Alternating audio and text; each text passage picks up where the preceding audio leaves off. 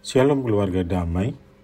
Puji syukur kita dapat berjumpa kembali lewat sapaan damai sejahtera pagi ini. Sebelum kita memulainya, marilah kita membukanya dalam doa. Tuhan kami mengucap syukur atas berkat dan anugerah-Mu hingga saat ini. Kami mohon hikmat dan pimpinan-Mu untuk memahami firman Tuhan lewat perenungan samas dan sebagai bekal bagi kehidupan kami hari ini. Di dalam nama Yesus kami berdoa. Amin. Sama pagi ini saya beri judul Tanda Yunus, jawaban bagi kedegilan orang Farisi. Bacaan kita pagi ini diambil dari Matius 12 ayat 38 hingga 42 yang berbunyi demikian. Pada waktu itu berkatalah beberapa ahli Taurat dan orang Farisi kepada Yesus, Guru, kami ingin melihat suatu tanda daripadamu. Tetapi jawabnya kepada mereka, Angkatan yang jahat dan tidak setia ini menuntut suatu tanda. Tetapi kepada mereka tidak akan diberikan tanda selain tanda Nabi Yunus. Sebab seperti Yunus tinggal di dalam perut ikan tiga hari tiga malam. Demikian juga anak manusia akan tinggal di dalam rahim bumi tiga hari tiga malam. Pada waktu penghakiman, orang-orang Niniwe akan bangkit bersama angkatan ini dan menghukumnya juga. Sebab orang-orang Niniwe itu bertobat setelah mendengar pemberitaan Yunus, dan sesungguhnya yang ada di sini lebih daripada Yunus. Pada waktu penghakiman, ratu dari selatan itu akan bangkit bersama angkatan ini dan ia akan menghukumnya juga. Sebab ratu itu datang dari ujung bumi untuk mendengar hikmat Salomo, dan sesungguhnya yang ada di sini lebih daripada Salomo. Keluarga damai yang dikasih Kristus. Dari bacaan itu, ahli Taurat dan orang Farisi memberikan syarat untuk mau menjadi murid Yesus, yaitu meminta Yesus memberikan tanda. Pertanyaan ini menunjukkan kedegilan hati mereka, orang yang sudah berhadapan langsung dengan Yesus, tapi masih tidak mau percaya. Sebenarnya mereka telah melihat begitu banyak tanda, seperti orang buta melihat, orang tuli mendengar, setan takluk dan diusir, dan orang mati dibangkitkan. Diambil dari Matius 12 ayat 22 sampai 37. Tanda-tanda itu sudah ditunjukkan dengan nyata oleh Yesus di depan mata mereka, tetapi mereka masih degil, tegar tengkuk, dan hilang percaya. Kedegilan mereka membuat banyak tanda-tanda ajaib itu yang telah Dia kerjakan tidak mereka anggap sama sekali.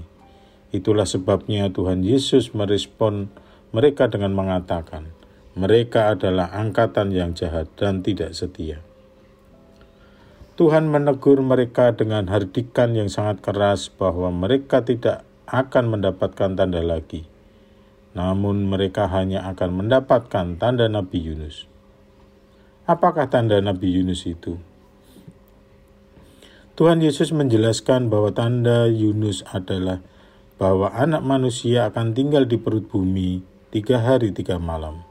Seperti ayat 40 mengatakan, Sebab seperti Yunus tinggal di dalam perut ikan tiga hari tiga malam, demikian juga anak manusia akan tinggal di dalam rahim bumi tiga hari tiga malam. Tetapi hal lain lagi yang sangat dimengerti oleh ahli Taurat dan orang Farisi adalah bahwa Yunus menjadi tanda penghakiman bagi Niniwe.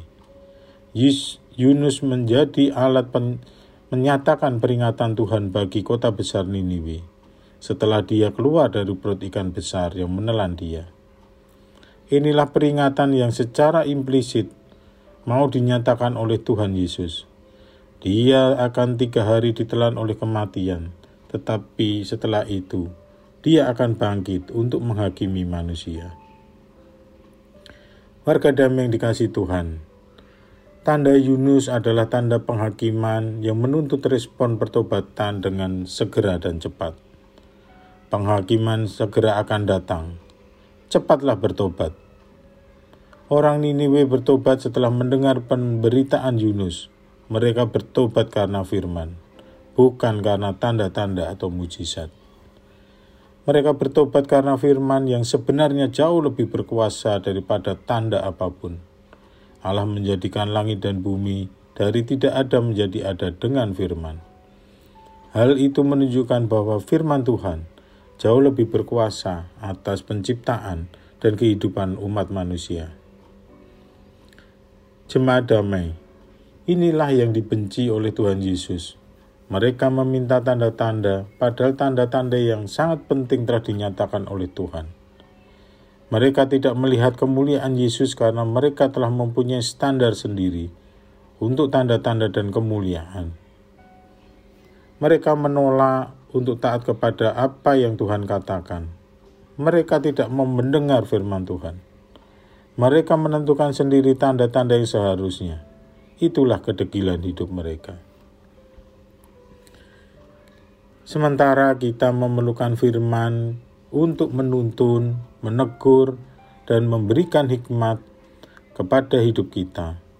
Kita harus menyadari bahwa kita adalah orang berdosa yang masih sangat jauh dari hidup sempurna di hadapan Tuhan. Karena kita harus mengutamakan, bersandar, dan mempercayai firman Tuhan.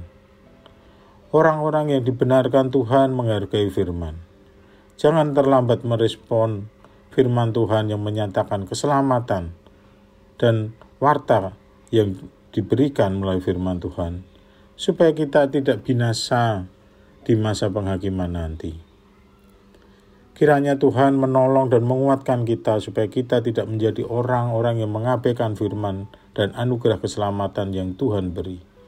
Anugerah yang jauh lebih besar dari segala tanda mujizat, bahkan tanda Yunus. Biarlah kita melihat apa yang telah Allah nyatakan melalui Yesus anaknya, yang jauh lebih besar dari Yunus dan Salomo sekalipun.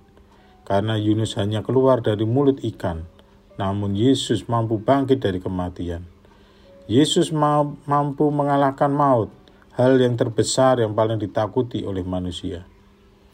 Biarlah kita menyadari kemuliaan Kristus yang agung dan mulia, dan telah rela meninggalkan keagungan dan kemuliaannya untuk menebus dosa-dosa kita semua. Marilah kita berdoa. Tuhan kami mensyukuri hikmat yang daripadamu, yang membuat kami dapat percaya kepada Tuhan Yesus melalui firman-Mu. Tuhan tolong kami supaya kami cepat merespon berita keselamatan yang Tuhan nyatakan.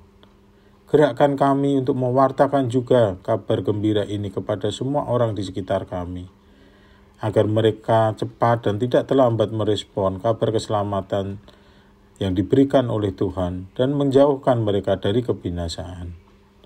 Dalam nama Yesus kami berdoa. Amin. Selamat menjalani hari baru dalam keselamatan dan kasih anugerah Tuhan. Tuhan Yesus memberkati.